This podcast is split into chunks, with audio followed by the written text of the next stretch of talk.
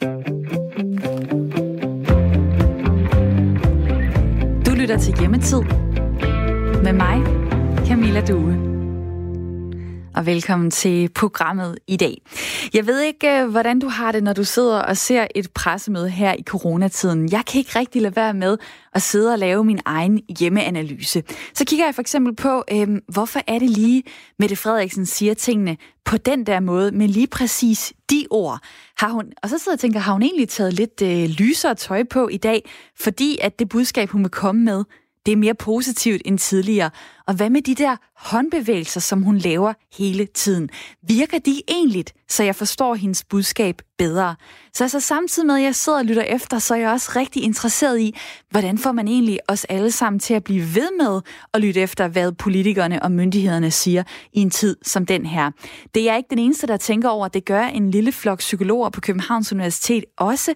De sidder lige nu og forsøger at finde ud af, hvad der virker bedst, når staten skal tale til sine borgere i en krisetid. Og det dykker jeg mere ned i senere i programmet.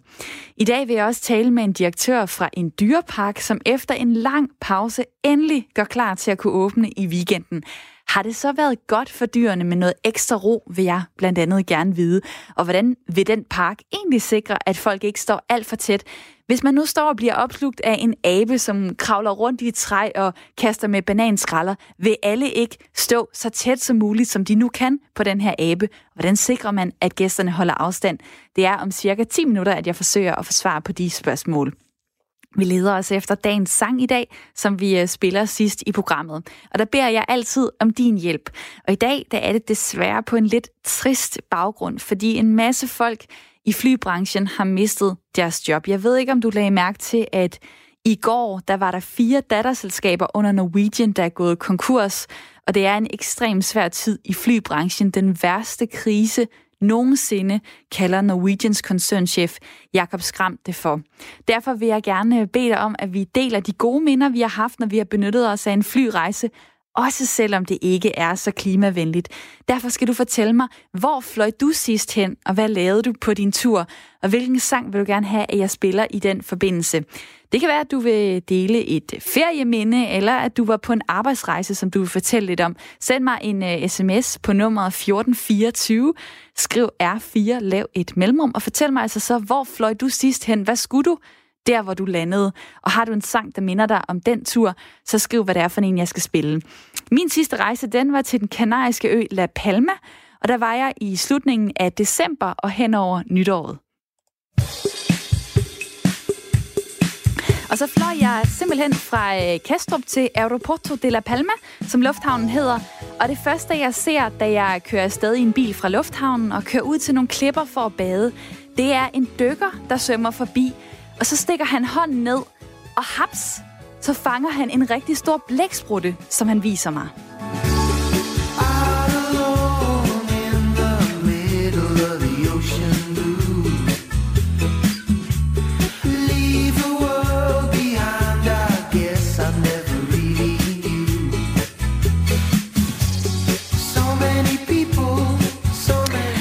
Og jeg elsker bare alt, der foregår under vandet. Så forestil dig lige, jeg ankommer, jeg sidder i badetøj, det er december, og der kommer en dykker forbi, og han viser mig en kæmpe stor blæksprutte. Det var en fantastisk oplevelse, og derfor så er mit bud på dagens sang, det er sangen Ocean Blue med Monica, fordi det er den fantastisk måde at ankomme til en ny ø på. Hvad med dig? Øh, hvilket minde kunne du tænke dig at dele med mig? Send en sms til 1424. Skriv R4, lav et mellemrum og fortæl mig så, hvor fløj du sidst hen? Hvad lavede du på den tur? Og hvilken sang vil du gerne have, at jeg spiller i den forbindelse? Og jeg kan lige så godt sige, at jeg er helt vild med den her sang fra Monica. Så øh, hvis du ikke kommer med et rigtig godt bud, så spiller jeg bare den som dagens sang.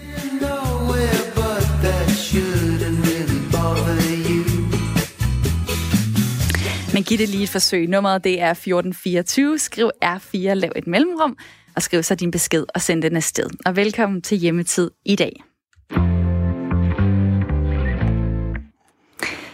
Der er et uh, citat, som uh, har floreret her de sidste 24 timer. Det er nok uh, det mest populære citat fra i går. Jeg har også set det i forskellige versioner, fordi det fungerer rigtig godt som overskrift i forskellige medier. Det er det her. Uh, sex er godt. Sex er sundt. Sundhedsstyrelsen går ind for sex. Vi er seksuelle væsener. Og selvfølgelig skal man også kunne dyrke sex, også som single i en tid med corona. Og puha, det er da egentlig meget rart at få slået fast øh, og i talesat, når der er over en million danskere, som er single. At de må gerne have sex, dog ikke med for mange mennesker, blev der også sagt. Hvad så med, øh, med alle dem i, øh, i par og ægteskaber? Jamen, de må selvfølgelig også øh, hygge sig. Og øh, jeg tænker på, om hjemmetiden her ikke fører til lidt mere af noget hjemmehygge måske, og det vender jeg tilbage til lige om lidt, fordi jeg synes lige, vi skal høre en lille smule af den her.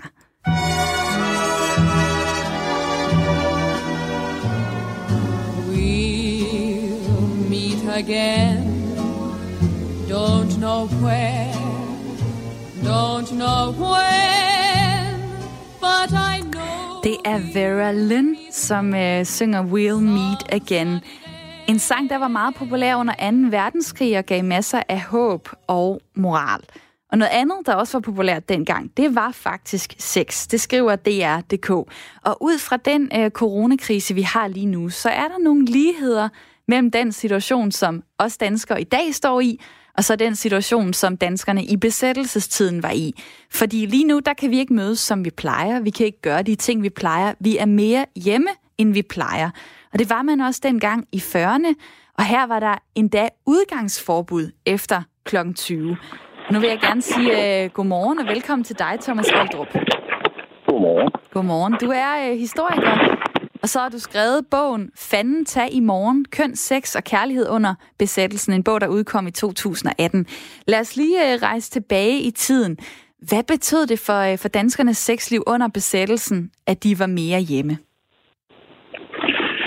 Jamen, det betød jo øh, den meget, meget tydelige fik en meget tydelig konsekvens, at der blev født ekstremt mange børn. Øhm, både øh, i den anden halvdel af besættelsen, men også øh, efter befrielsen. Det er tit sådan et fænomen, man forbinder med, at, øh, at det så blev Danmark befriet, så blev vi alle sammen glade, og så fejrede det ved, ved at hoppe i dynen med lillemor, men det er øh, i virkeligheden et fænomen, der allerede begynder, sådan, da det ser allermørkest ud med besættelsen i 43, 44 og 45. Øhm, så der er det mere nuanceret end bare de her, øh, den her blomsterfortælling. Mm. Hvad med, øh, hvad med kedsomhed? Hvilken rolle øh, spillede det? Altså, for der er jo ikke rigtig øh, måske så mange ting, man særligt kunne tage sig til øh, under besættelsen, hvor der var udgangsforbud øh, fra klokken 20. Det er rigtigt. Men, men allerede i samtiden, der sagde man, at det her, det var bare røvsygt. Altså, der var, der var måske lidt andet ord, man brugte, men der var, der var så mange ting, man ikke kunne. Øh, barne var lukket, og der var udgangsforbud, og man kunne ikke gå i biografen, så der var sådan en eufemisme, der hed, at man gik i den lille biograf. Og det vil sige, at man blev derhjemme og havde sex i stedet for. Det var sådan en, en intern joke på det tidspunkt. Og øh, så ved jeg ikke, om man spillede den samme film igen og igen, eller om man var god til at, at forny sig. Øh, hvordan har du egentlig øh, fundet viden om det her? Fordi det er jo, det er jo ret... Øh, er du ude at cykle eller sådan noget? Nej, jeg sidder ude på Kalvebåds fælde. Nå, hvor dejligt. Og der kan, du, kom bare kan du høre nogle gråjender i baggrunden? Ja, men jeg kan kunne bare høre, at uh, der kom lidt uh, vind ind i, uh, ind i telefonen. Okay. Men, uh, men det, som jeg tænker på, det er, at sex det er jo sådan en ret uh, privat ting.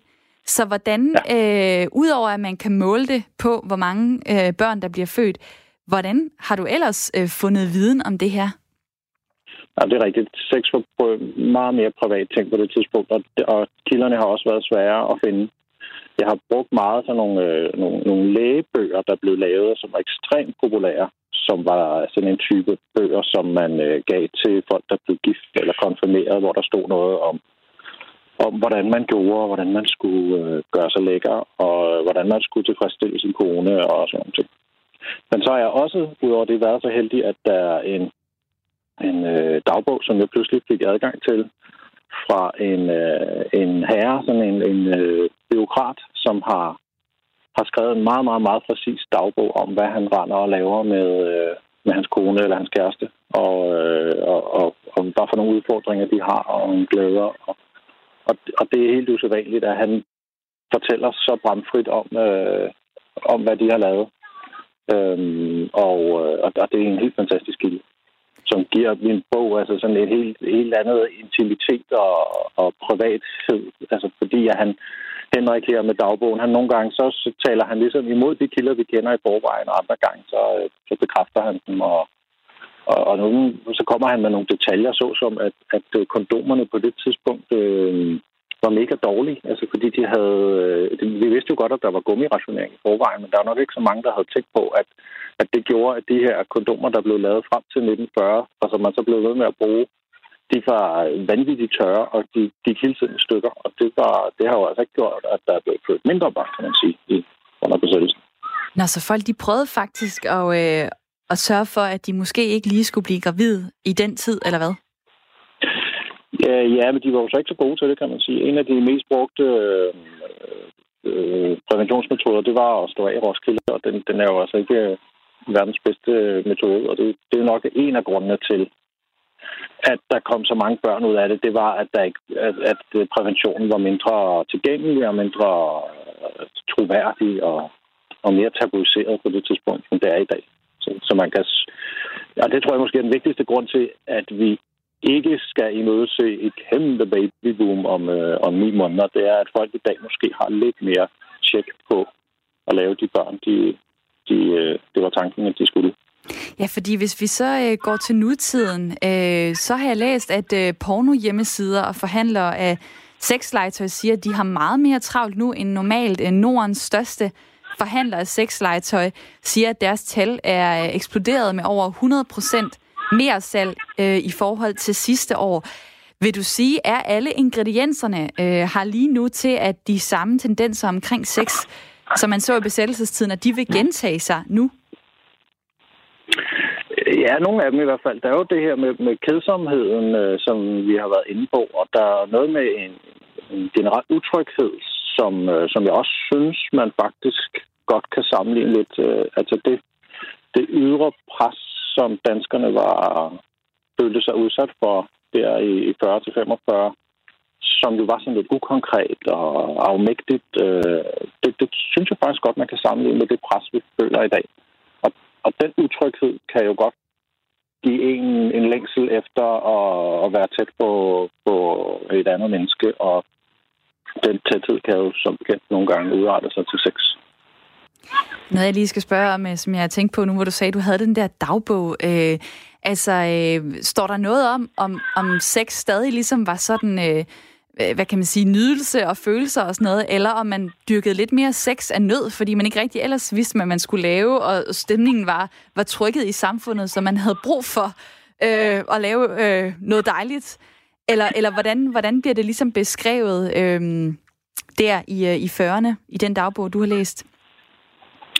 Nej, der, der er dagbøger nok ikke det rigtige sted at lede, fordi øh, ham her, Henrik, han er simpelthen bare så optaget af sig selv og hans øh, kæreste, ikke? Så, og, og, og det sexliv, han gerne vil have på skinner, så, øh, så han skriver egentlig ikke så meget om, hvordan danskerne generelt har det med, med sex i det hele taget. Han, han er forbavsende lidt optaget af, af besættelsen, for eksempel, og, og han skriver godt nok, at Danmark er blevet befriet, og Montgomery er i København, og han er inde og hilse på ham, og sådan, eller se på ham, men, øh, men ellers er det faktisk øh, interessant øh, hvor lidt det fylder i dagbogen. Mm. Og det skal man også måske nogle gange huske, at, øh, at for langt de fleste danskere, der var det her noget, som var en relativt... Øh, ja, ikke perifær ting, men ting, der, der ikke sådan kom helt ind på deres krop på samme måde, som, øh, som man får fornemmelsen af, når man ser flammen af citronen, eller hører om, øh, om øh, død og, og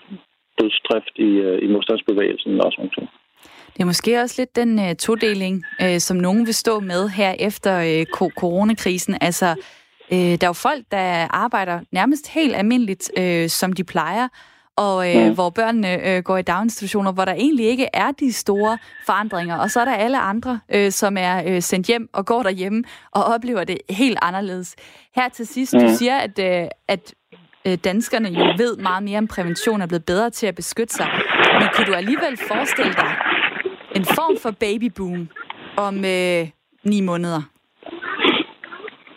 Altså, det, det der er jo, er jo, at vi har mere tid sammen. Vi har vanvittigt meget tid sammen med vores partner i vores familie. Og, og det er jo noget af det, som nogle gange kan være grund til, at man ikke får de børn, som man havde tænkt sig, at man skulle have, fordi man simpelthen ikke har, øh, har tid til det. Øh, og det kan man sige, der, der kommer nok en, en gruppe der, som måske har fået øh, en masse tid til overs. Øh, så, så den, det, dem kommer man nok, måske nok til at se i statistikken, men jeg tror ikke, man kommer til at se alle mulige uh, user, som man så på det tidspunkt, eller, eller folk, som bare ikke sådan har tænkt sig om. Der, der tror jeg sgu alligevel, vi er for, for uddannet og for, for lærte nu til at finde ud af, hvad, hvad det handler om. Men tak fordi, at du vil øh, sætte perspektiv på den her øh, sex-situation, Thomas Oldrup. Jamen, det er dejligt, at du også gør det. Jamen, tak for det. Og øh, lad os da håbe, at øh, lytterne også kunne lide det som Thomas Oldrup, som altså er historiker og forfatter til bogen Fanden tag i morgen, køn, sex og kærlighed under besættelsen. Jeg leder øh, lige nu efter øh, dagens sang, og der er kommet nogle sms'er, og tusind tak for dem. Jeg vil gerne også have dig derude til at være med. Jeg har spurgt, hvor fløj du sidst hen? Og hvad lavede du på den tur? Og hvilken sang vil du gerne have, jeg spiller i den forbindelse? Fordi at det er en ekstremt svær tid i øh, flybranchen lige nu, den værste krise nogensinde. Øh, er der en, en blandt andet en koncernchef fra Norwegian, der kalder det. Og i går der gik fire datterselskaber under Norwegian altså konkurs, og kan vide, hvor mange der er tilbage, hvor mange flyselskaber der er tilbage efter den her øh, krise. Derfor vil jeg gerne have, at vi i dag deler nogle gode minder, vi har haft, når vi har været ude og flyve. Du kan fortælle mig, hvor fløj du sidst hen? Hvad lavede du på din tur? Og hvilken sang vil du gerne have, jeg spiller i den forbindelse? Send så uh, dit uh, bud ind på en uh, sms til nummer 1424. Start beskeden med at skrive R4, lav et mellemrum, og uh, skriv så uh, din besked. Så kan det være, at uh, dit forslag det bliver dagens sang, som vi spiller sidst i programmet. Er der en sang, som øh, altid kan få gåsehuden frem hos mig, så er det den her.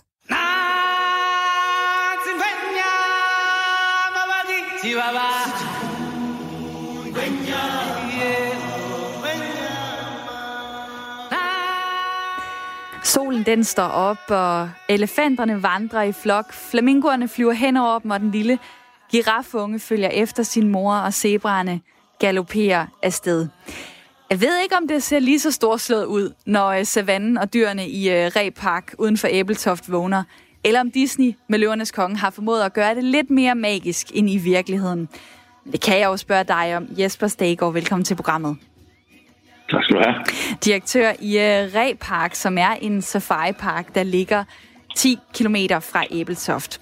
Uh, jeres åbning af parken er blevet uh, udskudt på grund af corona. Men nu har I så meldt ud, at øh, det kommer til at øh, ske på lørdag. I kommer til at, at åbne op. Og der er også andre dyreparker og zoologiske haver, som så småt er begyndt at øh, tale om, hvornår kan de øh, få gæster igen. Jeg skal først lige høre, hvordan ser det ud? Hvordan vil du betegne jeres savanne sådan en, øh, en morgenstund som i morges? Jamen, sådan en morgenstund som i dag, hvor vi har fantastisk flot blå himmel og sol, der vil jeg sige, der er det næsten lige så magisk, som det er i Walt Disneys øh, fortælling omkring den afrikanske savanne. Det er virkelig, virkelig, virkelig flot. Altså for det første, så kan man mærke, at dyrene, de øh, kan godt lide den her varme, og der er, og der er ro på, og de tuller rundt og hygger sig. Så det er faktisk ret magisk. Ej, hvor er det skønt.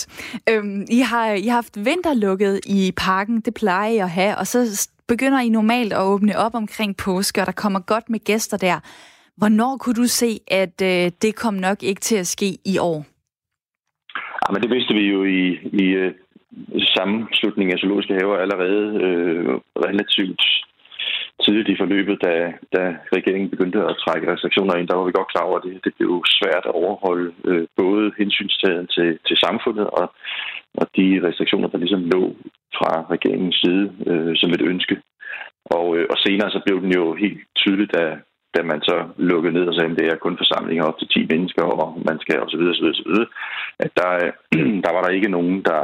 Øh, der var enkelte af de helårsåbne, som jo egentlig bare havde kørt videre på deres helårsåbning, øh, som også måtte, måtte lukke ned. Så vi var relativt hurtigt på, på øh, bedring, desværre kan man sige, med, en, en, en nødplan, som vi var nødt til at gå i sådan et, et nedlukningsmode for overhovedet, og bare kunne holde gang i den normale forretning, altså som det er at holde gang i og, og vedligeholde vores dyr på bedste vis. Hvad har det betydet for jer, at øh, I ikke kunne åbne øh, i starten af april? Ja, men påsken er en meget, meget vigtig del af, af økonomien for øh, de zoologiske haver. og anlæg rundt omkring. Og det er det, fordi det er efter en lang vinter, hvor vi har tæret på reserverne alt det, vi tjener op hen over året. Det bliver brugt til at betale foder og lønninger til vores medarbejdere og dyr hen over øh, vintersæsonen. Så det er sådan, man, man strækker den virkelig til det sidste. Øh, og man har typisk også haft nogle investeringer i løbet af vinteren på at bygge nye anlæg eller lave andre tiltag for, for vores publikum. Og det betyder, at, øh, at det er sådan en, en, en luftboble, man kommer op til, at der kan man begynde at få noget indtægt igen. Så det er meget, meget alvorligt for samtlige anlæg, at vi har været nødt til at lukke ned på et tidspunkt, hvor vi normalt får en meget stor øh, indsprøjtning økonomisk og, og øh, en masse publikum på. Og ikke mindst fordi det er det er øh, jo på det tidspunkt, hvor, altså til med i år, hvor, hvor vejret sådan virkelig begynder at typisk vise sig fra den gode side, og det vil sige, at folk er også sådan, de skal ud og have noget oplevelse og have noget frisk luft osv. Så det er sådan lidt en, en glæde lige så meget for os, som det er for publikum, at nu kan man endelig begynde at se frem mod lysere tider. Hvad med øh, for dyrene? Altså nu har I jo så vinterlukket, så de har en lang pause, mm. hvor de ligesom får lov til at passe sig selv. Betyder det ja. noget, øh, hvis lad os sige, den her pause havde strukket sig to måneder mere? Altså, hvad betyder det for dem, når de får øh, mere ro på, og der ikke er øh, gæster i, øh, i jeres park? Ja, man kan, altså, for langt de fleste dyr er de sådan set lidt ligeglade med, om der er gæster på eller ikke gæster på. Hvis vi har dyr, som stresser over, at der er gæster på, så er det fordi, der er noget galt med vores anlæg, og så bygger vi om, at vi prøver at tilrette, sådan at dyrene rent faktisk får, får ro og falder til, til rette. Men jeg vil sige, der er en større underholdningsværdi for nogle af vores dyrearter, i hvert fald når vi har gæster på, og specielt vores rovdyr, vores store rovdyr, har helt klart øh, en stor underholdningsværdi at der begynder at komme gæster i parken. Og ikke mindst fordi, at øh, vi jo har rigtig mange dejlige børnefamilier, som kommer. Og de her små børn, der løber ned langs med anlæggene, øh, det trækker altså noget i de store rovdyr, øh, kattedyrene, eller vores geparder, eller afrikanske vildhunde. Og det er ret tydeligt, når man ligger og kigger på sådan en, en flok løver, for eksempel, eller en flok øh, geparder, at hvis der kommer sådan et barn løbende op langs med anlægget, så, øh, så trækker det simpelthen et jagtinstinkt i dem, og det lyder måske fuldstændig, men det er jo helt naturligt. Altså, øh, og, og det er underholdende for dem, det kan man bare mærke på dem, at de, øh, de reagerer på det og synes, at det er spændende, at der pludselig sker noget. Så det er en, en slags, man kan sige, fjernsynet har været lukket øh, ned her hele vinteren for, for de store rovdyr, og, og nu øh, bliver det så tændt igen. Det var da en, en, en, et lidt sjovt øh, øh, udfald af det. Eller jeg havde ikke regnet med, at det var det, du ville svare øh, til, til spørgsmål. Så de, de kan simpelthen godt lide, at øh, nogle af dyrene kan i hvert fald godt lide, at der, der kommer øh, gæster, og det vil jo, mm. håber I jo så på, at der begynder at komme her øh, fra weekenden, hvor I åbner op for alle. Jeg har også lige læst, at øh, for eksempel øh, Frederiksberg Kommune får lov til at sende nogle børn afsted på torsdag til Zoologisk Have i København, så det ligner jo, at øh, stille og roligt, så begynder det måske at være muligt at, øh, at sætte det op på en måde, så, øh, så I kan generelt øh, rundt omkring i Danmark åbne jeres øh, dyreparker. Hvad har egentlig fået jer til at sige, det kan godt lade sig gøre. Vi tror på, at øh, vi kan holde folk fra hinanden, på trods af, at de måske bruger de samme toiletter og står i kø til sandwiches, og hvad ved jeg? Ja, men øh, altså, for det første så må man sige, der, der, ligger et, øh, der ligger et skriv fra Rigspolitiet om, hvordan man skal forholde sig som øh, zoologisk have, hvis man vil byde øh, publikum velkomne. Og det øh, foreskriver blandt andet en lang række øh, Øh, foranstaltninger, som vi skal sørge for er i orden. For eksempel, at vi må undgå, at øh, folk stiller sammen i større grupper. Øh, at der er øh, for eksempel køer, der ikke bliver øh, der ikke bliver delt op øh, på ordentlig vis osv., at der er tilstrækkelig plads. Nu er vi jo en safaripark, så vi har heldigvis enormt meget plads, og derfor er der god mulighed for, at folk kan fordele sig i området og masser af frisk luft osv.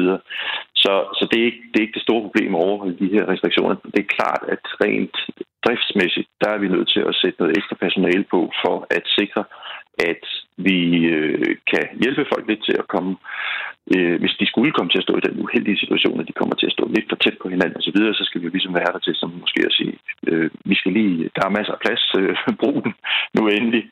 Øh, og jeg tror ikke, at der er nogen tvivl om, at danskerne de savner det her med at kunne give en krammer og, og kunne være sammen på, på den måde, man plejer. Men det er jo en speciel situation, så der skal vi sådan sørge for, at der er nogle restriktioner på, på plads, sådan at vi ligesom hjælper vores publikum til at få en god oplevelse, uden at det går hen og går på kompromis med de foranstaltninger, der er nødt til at være i samfundet i den her situation. Vi har ekstra personale inde på rengøring osv. Ja. Er der nogle ting, I mm. har sagt, de kan simpelthen ikke lade sig gøre? Altså fordi ja, der, kan, der. der kan vi ikke holde folk fra hinanden. Ja, altså vi har for eksempel et tog i parken, som kører ind igennem vores Nord- Nordamerika-anlæg, øh, og toget øh, åbner vi ikke til en start, i hvert fald fordi det at lukke folk ind i de her kopier, det vil være det samme som at sætte mikrober i en petriskål. Altså det vil være helt umuligt, øh, da de jo er lukket. Vi kører ind blandt store rovdyr, og derfor må dørene ikke kunne åbnes.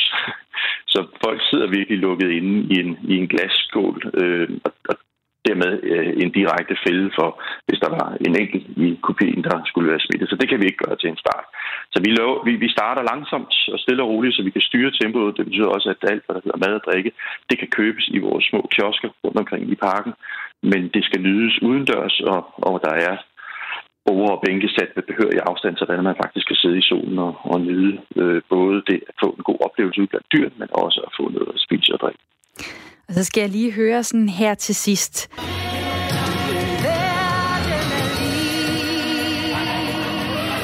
Jeg har aldrig øh, besøgt jer.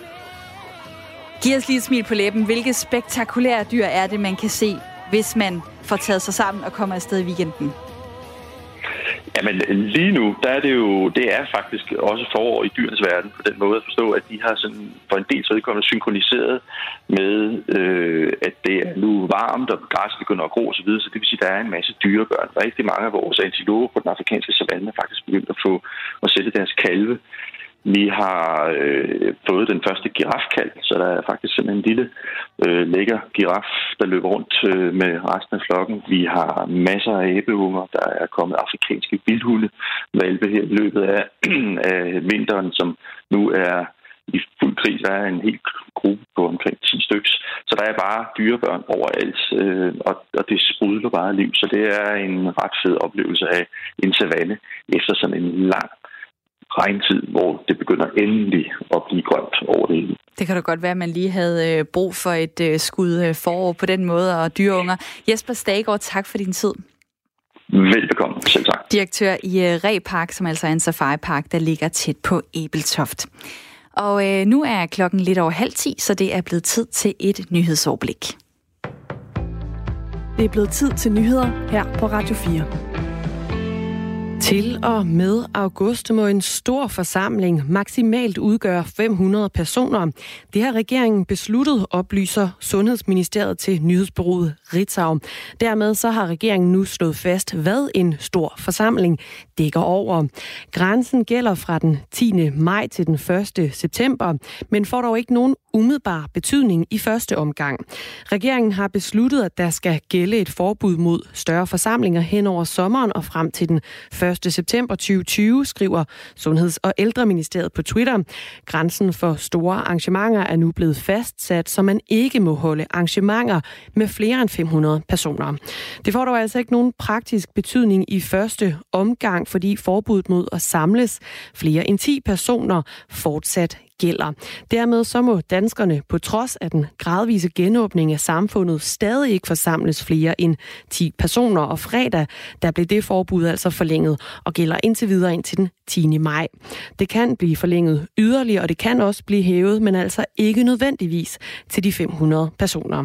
I et skriftligt svar til DR Nyheder skriver Sundhedsministeriet, beslutningen træffes som følge af sundhedsmyndighedernes vurdering af, at det fortsat er usikkert, hvordan corona epidemien udvikler sig i Danmark over de kommende måneder. Det lød allerede fra statsminister Mette Frederiksen på et pressemøde kort før påske, at der ikke over sommeren vil kunne blive afholdt blandt andet festivaler store koncerter og markeder. I Italien der forventer man nu at kunne indlede en gradvis genåbning af samfundet den 4. maj. Det skriver premierminister Giuseppe Conte i et opslag på Facebook. Italien er et af de lande, der har været absolut hårdest ramt under den globale coronapandemi. Forløbig er der registreret flere end 24.000 dødsfald blandt coronapatienter i landet. I Italien har der været indført skrappe restriktioner siden coronaviruset brød ud i landet. De strenge foranstaltninger, der er blevet indført for at bremse smittespredningen udløber den 3. maj. Herefter der venter regeringen så at lempe nogle af restriktionerne, skriver Giuseppe Conti i sit opslag. Det er endnu uvist, hvilke dele af samfundet, der først vil blive genåbnet. Premierministeren understreger dog, at de kommende lempelser vil ske på nationalt plan, og at regeringen vil tage alle forbehold for at sikre, at befolkningen ikke oplever endnu en opblusning af epidemien. Interessen for at købe en lejlighed eller et hus er faldet markant i marts måned, hvor coronakrisen lukkede Danmark delvist ned, det viser nye handelstal fra boligsiden.dk. Antallet af solgte villaer og rækkehuse er faldet 6% i marts, sammenlignet med samme tidspunkt sidste år. Og for ejerlejlighedsmarkedet er opbremsningen større. Handelsaktiviteten er her faldet 17,3% sammenlignet med marts 2019. Under normale omstændigheder ville vi se en betydelig stigning i handelsaktiviteten for villaer og rækkehuse fra februar til marts måned. Det siger Birgit Detz, der er boligøkonom og kommunikationsdirektør hos Boligsiden. Men det har corona sat en stopper for i år, hvor usikkerheden har fået flere boligkøbere til at tage en tænkepause, siger hun. Birgit Detz bemærker dog, at bolighandlerne altså ikke er gået helt i stå. Der er gennemført næsten 4.000 hushandler i marts. Derudover så er der handlet næsten 1.300 lejligheder. Og vi tager et kig på en vejrudsigt til slut. DMI melder om en tør og solrig dag og temperaturer mellem 12 og 17 graders varme. Varmest bliver det i Jylland, og ved kyster, hvor der er pålandsvind, kan det blive en smule køligere, end de 12 til 17 grader.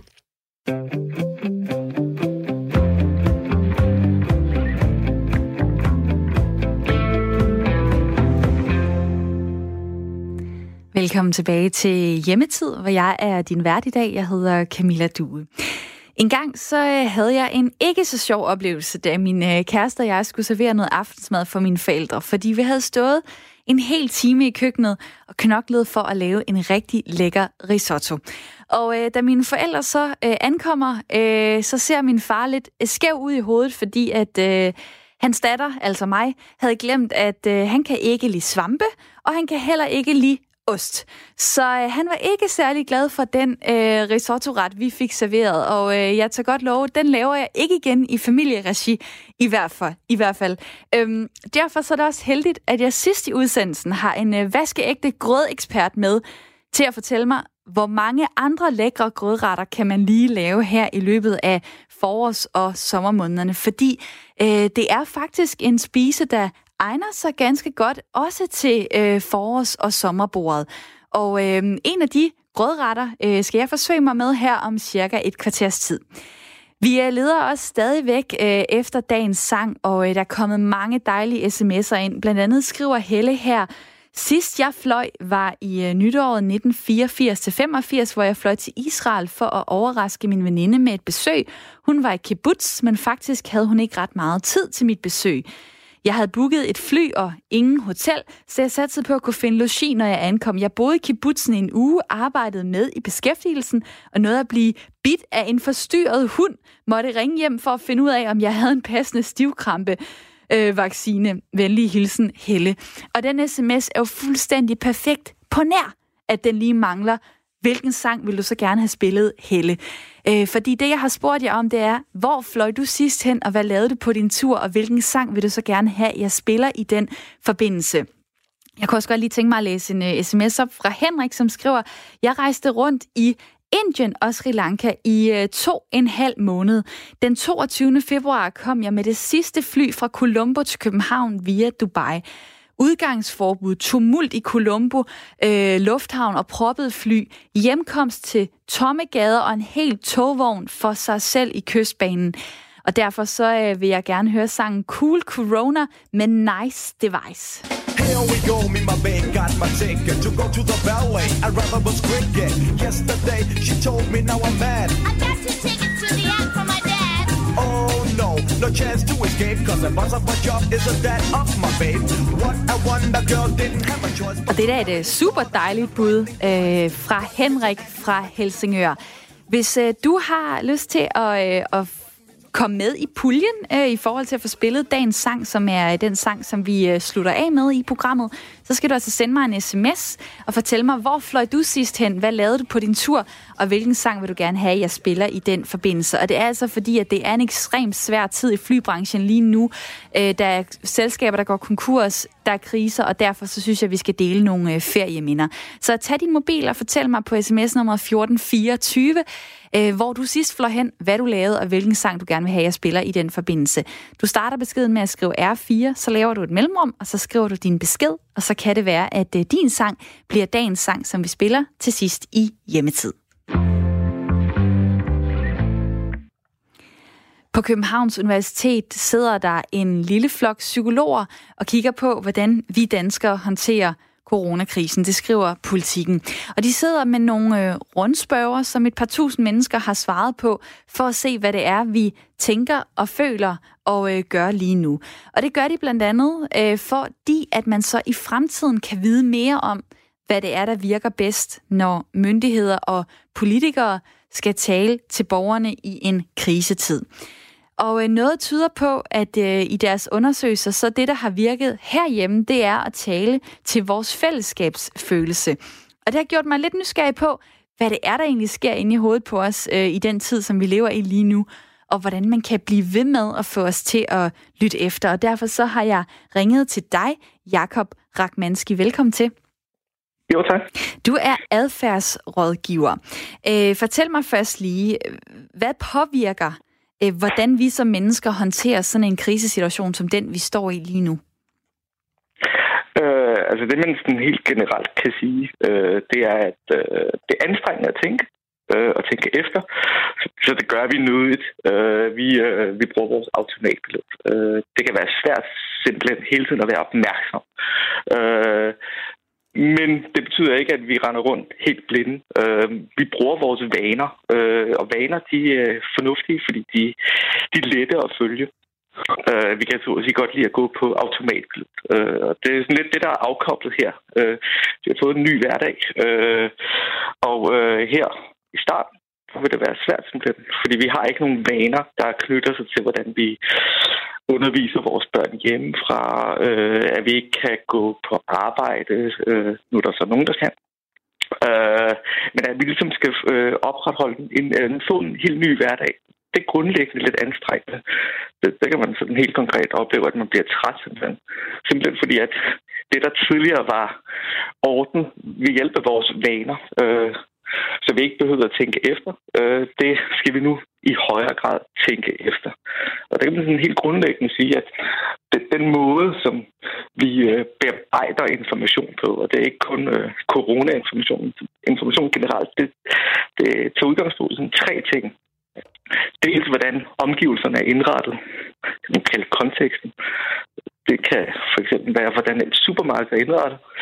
Øh, der er pile på gulvet. Hvis der ikke er det, så vil vi følge gangene selvfølgelig. Øhm, øh, og vi vil måske ikke holde afstand, hvis der ikke er markeringer af, øh, hvor tæt vi skal stå på andre. Uh, vi vil simpelthen ikke være opmærksom på det. Og, og noget af det andet, det er, at vi kigger på, hvordan andre mennesker opfører sig. Uh, hvis andre mennesker opfører sig på en bestemt uhensigtsmæssig måde, så vil vi simpelthen have en tendens til at efterligne deres adfærd. Ja, fordi det er, jo, det er jo noget af det, som jeg kan se nu, hvor jeg sådan, øh, faktisk hver gang bliver irriteret, når jeg handler øh, i, i den samme Føtex, som ligger mm. tæt på mig. Det er, at øh, der er ekstremt snævert i indgangen. Og det er som om, mm. folk de fatter bare ikke, at de skal holde afstand. Så de er, de er faktisk mere eller mindre ligeglade, virker det i hvert fald til, at storme ind og ud, og mig først og sådan noget. Altså, mm. øh, jeg har tænkt på, om det er fordi, at, at nu begynder man måske at slække, nogen gør i hvert fald lidt mere øh, på det, øh, som, som myndighederne har sagt til os.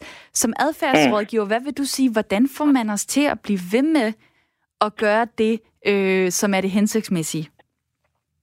Jamen altså, altså i første omgang, øh, hvis nu at øh, man for eksempel skal altså, altså selvfølgelig stadigvæk generelt den her generelle information om øh, social distancering, øh, men også fortælle folk og gøre opmærksom øh, gøre folk opmærksom på, hvordan de så faktisk skal holde social afstand. Ikke? Øh, for det er ikke nødvendigvis, fordi folk er ligeglade.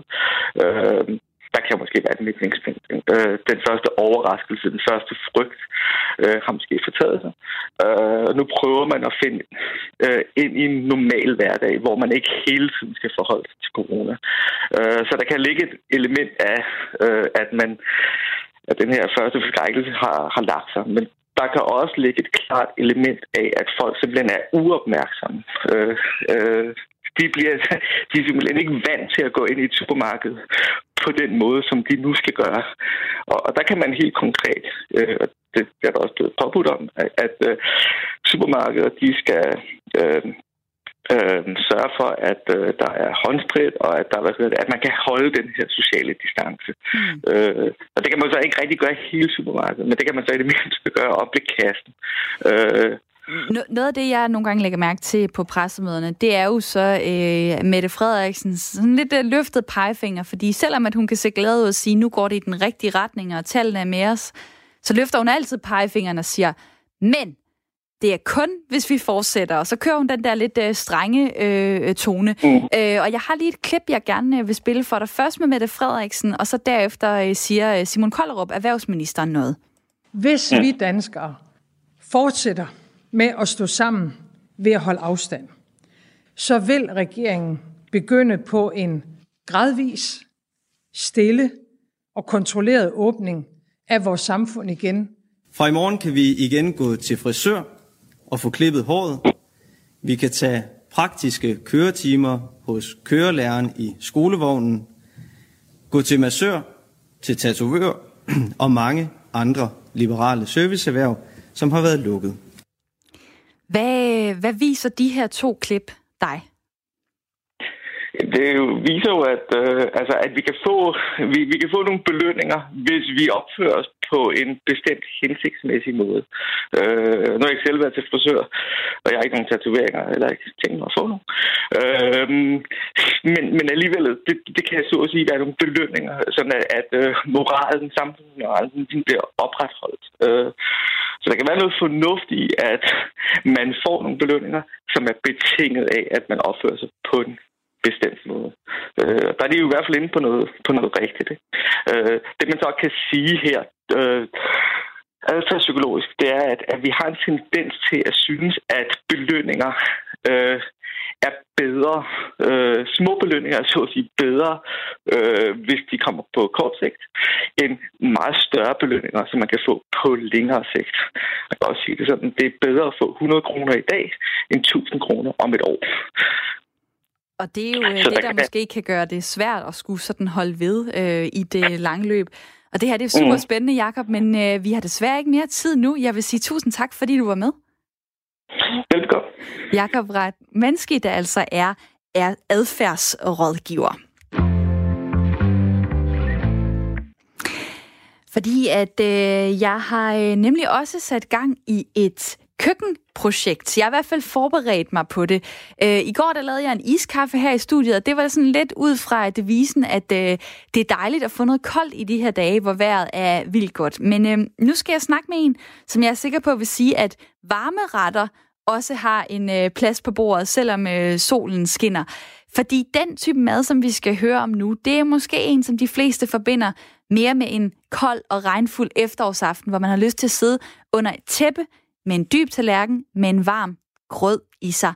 Men grød, det er også noget, man kan spise øh, om foråret øh, og i løbet af sommeren. Er det ikke rigtigt, Lasse? Jo, jo, det er meget rigtigt. Og, og godmorgen, og formiddag. Godmorgen. Øh, Lasse Skjørning øh, Andersen, øh, direktør i virksomheden Grød, der blandt andet har syv butikker. Hvorfor er det, at, øh, at Grød egner sig til alle årstider? Jamen altså, jeg er jo kæmpe grødnørd. Altså, så, så jeg vil jo slå et slag for, at øh, grød kan spises både på alle tidspunkter af dagen og hele året. Øh, og jeg vil sige, altså hvis man kigger sådan lidt på, på den grødtradition, vi har i Danmark, øh, så kan man sige, altså på den ene side har vi jo de her meget traditionelle, varme, lidt tunge, kornbaserede grød, som risengrød og øllebrød og havregrød og byggrød, som typisk er varme. Og så på den anden side, så har vi jo faktisk de her lidt mere sommerlige bær- og frugtbaserede grød, som kunne være rød grød med fløde og rabarbergrød og æblegrød og alt sådan noget. Så på den måde, så har vi en relativt bred definition af begrebet grød i Danmark. Og det gør jo faktisk, at øh, hvis man ligesom bruger årstidens råvarer, så kan du spise grød morgen, middag og aften øh, hele året. Så, øh, så ja, altså jeg, jeg er kæmpe kæmpe, hvad hedder det, jeg slår kæmpe slag for, at man skal spise noget mere grød hele året. Jeg skal jo øh, til at lave en øh, grød, som, øh, som også passer øh, til, til den her årstid. Og der skal du guide mig. Jeg har jo ikke helt de store køkkenfaciliteter, ja. men jeg har en mikroovn, og jeg har også taget et, øh, et hakkebræt med. Og jeg tror, det vigtigste det er, hvis vi skal nå det faktisk, og det er lige at få sat grøden over. Så hvad skal jeg komme i min øh, skål, der skal i mikroovnen? Ja, altså det du skal gøre, øh, det er, at du skal, øh, du har en skål, og den er øh, formentlig relativt stor. Det skal den være, fordi at når du laver grøden i mikroovnen, så er det vigtigt, at grøden ikke koger op over. Det har den ligesom tendens til, når man laver den i mikroovnen. Så du har din store skål, og den hælder du så grovvalset havregryn ned i. Ja. Øh, 1 deciliter, og så 1 deciliter vand, og så 1 deciliter mælk. Og det kan både være noget plantemælk, altså havremælk eller lignende. Det kunne også være ganske normal komælk. Og så husk, øh, for guds skyld... Ja, jeg har lige en... Øh, jeg tager lige her ja. 1 deciliter havremælk, siger du. Yes. Det har jeg faktisk. Og så også noget vand. Og hvad siger du så for guds skyld? Husk hvad? Det er meget vigtigt, det er. Husk salt. Oj. Altså meget, meget afgørende. Skal jeg, øh, skal jeg blande det sammen, eller øh, ja. hvad? Okay, med en ske. Yes. Og ja, jeg vil det sige, hele sammen. Øh, jeg har lige taget sådan et lille finger, øh, fingerknips, eller hvad det hedder, fingers, knivspids øh, yes. salt. Er det okay? Så altså, det er jo øh, faktisk meget nemt, hvis det bare er 1 dl havre, øh, havregryn, 1 dl plante, mælk og 1 dl vand. Fuldstændig, fuldstændig rigtigt. Og så husk salt ind i mikroovnen. Jeg vil skyde på cirka 4 minutter, lidt afhængig af, hvad for en mikroovn man har. Fuld, øh, fuld knald på varmen, og så venter vi. Og nu er den sat over, og vi har en ret uh, kraftig en. Det er i hvert fald det, som jeg har erfaret, når vi har brugt den til andre køkkenprojekter. Så mindre der lige om okay. lidt går ild i uh, studiet, så har jeg kun lige sat den på to minutter. Og så er det okay. allervigtigste, tænker jeg næsten, ja. det er, at uh, for man kan få gjort sådan en grød spændende, så skal der noget yes. lækkert ovenpå. Og nu har jeg hakkebrættet er... fremme. Hvad, hvad skal jeg gøre klar? Jamen altså, for jeg, jeg vil starte. Øh, du har nogle, øh, nogle nødder. Yes. Øh, det giver et sprødt element til grøden. Øh, så har du øh, måske noget frisk æble. Ja. Det giver sådan et frisk og syrligt element til grøden. Øh, og så har du øh, måske noget peanut butter. Det har jeg også med, yes. Ej, hvor lækkert. Og det giver jo sådan et, øh, et fedt og cremet øh, element til grøden. Så altså, når jeg snakker, øh, snakker grød, altså, så er det et, det allervigtigste, det er selve kornene. Altså, at konsistensen på grøden er god. Og det handler om kornene. Når du laver grød, så skal du aldrig bruge finvalset havregryn. Der skal du bruge de grove, så du kan finde Så det er nummer et regel. Nummer to regel er, husk nu salt. Salt giver smag, og det er hammerende vigtigt. Altså, der er virkelig mange, der glemmer at putte salt i deres grød. Det er mega vigtigt og mega nemt. Og, og nu... så det sidste, meget afgørende, ja. det er toppings, og det er dem, du er i gang med at lave nu. Og jeg tjekker lige, øh, eller hvad tænker du, skal man, øh, skal man tjekke løbende og lige røre i havregrøden? Øh, eller øh, skal man bare lade den køre til enden? Betyder det noget? Altså, det, nej, det gør det formentlig ikke, når du laver det i mikroen, fordi det kan ikke rigtig brænde på på mikroen. Så altså, jeg tror, det vigtigste er, at, at, det, at øh, selve grøden kommer op på kogepunktet. Det skal ligesom op og koge, sådan, så at den stivelse, der er i, øh, i havregryn, at den bliver udvundet, så du får den her sammenhængende cremede og grøde konsistens. Jeg kan i hvert fald sige, at halvandet minut, det var langt fra nok. Så øh, nu står jeg ja. lige og hakker øh, nogle mandler, ja. øh, yes. og så øh, noget æble, og så har jeg også, mm. fordi jeg tænkte, jeg har nogle, øh, nogle jordbær. De ser, ikke, de ser ikke helt friske ud, men det er nu, de skal Nej. spises, hvis de ikke skal smides ud. Kan de gå, kan de gå ovenpå, eller hvad? Ja, ja, ja, ja. For guds okay. skyld. Altså, jordbær er mega lækkert. Altså, det er jo sådan en... Altså, det er jo noget af det, når, når der er jordbær i sæsonen, altså når de danske jordbær, de, de begynder øh, at, at komme til salg, så er det en af vores bedst sælgende sådan, toppings på vores grød i forretningerne. Men jeg vil så dog sige, hvis jeg skal være en lille smule sådan hellig, hellig pære her, så vil jeg sige, man skal spise jordbær når der er danske jordbær. Ja. I stedet for at, at, spise sådan nogle lidt halvvandede øh, spanske jordbær. De kan godt være udmærket, men jeg synes, det er lidt heldigt at sige, men jeg synes, når de danske jordbær, der er noget helt specielt ved dem. Ah, du, fanger, Så, øh, du fanger mig lige. Der står, at øh, oprindelseslandet, det er, øh, det er Spanien. Øh, så, øh, så topping, altså, øh, det, er, øh, det er æble, det er øh, jordbær, det er mandler, og så er det peanut butter. Og hvordan, hvordan Yes. skal jeg putte det ovenpå, når... Øh, nu skal jeg lige... To sekunder, jeg tjekker lige gråden. Uh! Der, er der er kogt den fuldstændig op. Ja, okay. Øh, to sekunder. Er den kogt over? Øh, ikke nej, fordi Nej. Jeg har, jeg har taget en, øh, en, meget stor, øh, en meget stor skål med, men den er kogt, Ja. øh, den, er ved, den er ved at være der i hvert fald, men den, den balancerer okay. godt nok op til kanten periodevis. Så øh, jeg kan se, at min øh, producer øh, Lene, hun kommer lige ind for at, at hjælpe med, at den ikke øh, koger. Du får lige øh, skeen her, Lene. Og så øh, imens, så kan jeg jo spørge dig, det jeg var ved, at- ved at høre til, det var sådan det her med toppings. Hvordan øh, Ja. smider man bare det hele på i en skidestak, eller hvordan øh, vil du øh, anrette det? Hvad sagde du? Skidestak? Ja, jamen, du ved, så høstak. Altså, skal man bare fyre det på, eller, eller hvordan vil du ja. anrette det for, at det ser bedst muligt ud? Jamen altså, øh, nu det, jeg, jeg må være helt ærlig at sige, jeg har aldrig givet så grundig en øh, vejledning til mikrobølgeovnsgrød øh, på, på, på, live radio. Så, øh, så det er også første gangs oplevelse for mig. Men jeg vil nok sige, at når du, øh, når du øh, har grøden i skålen, og den ligesom er færdig i konsistensen, så kan man måske starte med at lægge æblerne ud på, på, på tværs øh, i, i, i en stribe, og så kunne man lægge mandlerne på en stribe, så kunne man lægge jordbærne på en stribe, og så kunne man på den sidste stribe ligesom trække peanut butteren, sådan, så du nærmest laver et form for ja, øh, et, et, et, et, et, form for flag. Altså, det, det er måske en dårlig beskrivelse, men et, et lille grødtoppingflag. Jamen, det kan jeg godt forestille mig. Og ved du hvad, det vil jeg gøre lige om lidt, men først så vil jeg lige kåre øh, dagens sang, så øh, Lasse, hæng lige på, fordi jeg har spurgt lytterne derude, hvor fløj du sidst hen, og hvad lavede du øh, på din tur, og hvilken sang vil du gerne høre i den forbindelse? Det er fordi flybranchen jo står i en ret svær tid lige nu, derfor så øh, vil jeg gerne øh, have nogle øh, gode ferieminder øh, delt øh, fra jer. Og der er kommet så mange dejlige øh, sms'er. Øhm, der er blandt andet Thomas, der skriver her, sidst jeg var ude at flyve, fløj jeg til Murmansk for at fiske efter laks. Vejret var koldt og regnfuldt. Vejret var 8-9 grader, og laksene bed villigt. Det var fantastisk, og mit ønske er From Russia with Love. Dog så har redaktionen øh, valgt en anden sang, og jeg ved ikke, om det er inspireret af min kærlighed til løvernes konge, men Silas har skrevet os en dejlig besked, hvor han øh, skriver her, sidste gang jeg fløj, var jeg i Kenya for at tage billeder, da jeg er naturfotograf. Så jeg synes, vi skal høre Hakuna Matata fra løvernes konge. Hakuna Matata betyder jo at tage det roligt på kenyansk og passer meget godt til vores tid. Så her kommer dagens sang. Hakuna Matata er det klogeste ord. Hakuna Matata. Klogere end du tror. Så tag det roligt, det er det bedste på jord. Det er en melodi, som gør dig fri. Hakuna Matata. Hakuna Matata? Ja, det er vores motto. Hvad er et motto? Ikke noget, men det rimer på lotto. Ved du hvad, Knægt? De to ord kan løse alle dine problemer. Nemlig, tag nu Pumba for eksempel. For da han var en teenage-gris.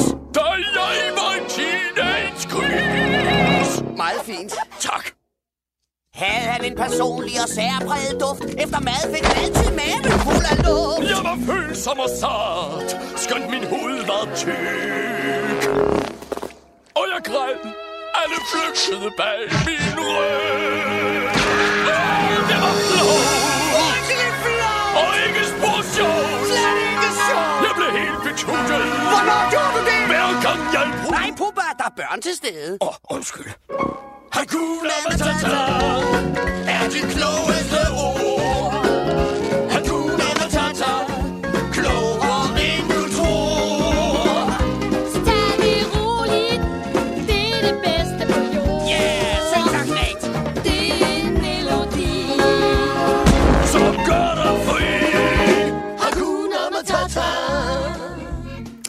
Ja, det er da et dejligt øh, budskab at øh, få ind her i øh, hjemmetid. Tag det roligt, og øh, brug måske noget øh, tid i køkkenet og lav en øh, dejlig grød. Lasse Skønning Andersen, direktør i virksomheden Grød, du er stadig med mig. Og nu øh, er havregryden, den er færdig.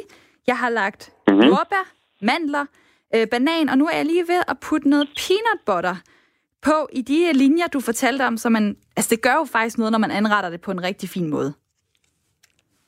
Det, det gør det altså i høj grad. Øh, Vi spiser jo øh, sindssygt meget med øjnene. Øh, Så altså, det giver god mening at, at, at, at gøre sig lidt umage på anretningen. Også hvis man har børn og så videre, så kan det være, at det er det, der gør, at man kan få presset lidt fiber og lidt øh, frugt og grøntsager ned i den. Og så skal vi også huske, at øh, vi lever jo en digital tidsalder, særligt i disse tider, så øh, kan det også være, at man kan få lidt, øh, lidt likes inde på både Facebook og Instagram og hvad det alt sammen hedder, hvis man har indrettet det ekstra pænt. I Så der er mange gode grunde til at, at give den gas der. Jeg kan se, at, øh, at det her, de her farver, de spiller rigtig godt sammen. Nu, øh, nu tager jeg lige og øh, tester den. Yes.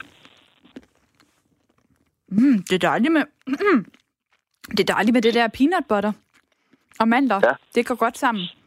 Jamen, øh, den, øh, den vil jeg da anbefale andre at kaste sig, kaste sig ud i. Det er altså en øh, simpel øh, havregryn, 1 dl, plantemælk, 1 dl, vand, noget salt, og så bare nogle gode. Yes. toppings på, hvad du øh, kan lide derhjemme. Lasse Skønning Andersen, tak fordi du var med her. Jamen selv tak og velbekomme. Ja, tak skal du have. Jeg skal da spise færdig lige om lidt. Direktør i øh, virksomheden Grød, som blandt andet har syv butikker. Og mens jeg så kan nyde den her grød, så kan jeg jo øh, sige, at øh, hjemmetid er tilbage i morgen kl. 9.05, og nu skal vi have nyheder.